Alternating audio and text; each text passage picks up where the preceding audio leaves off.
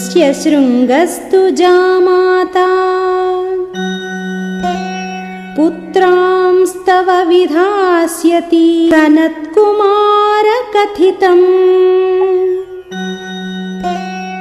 एतावद् मया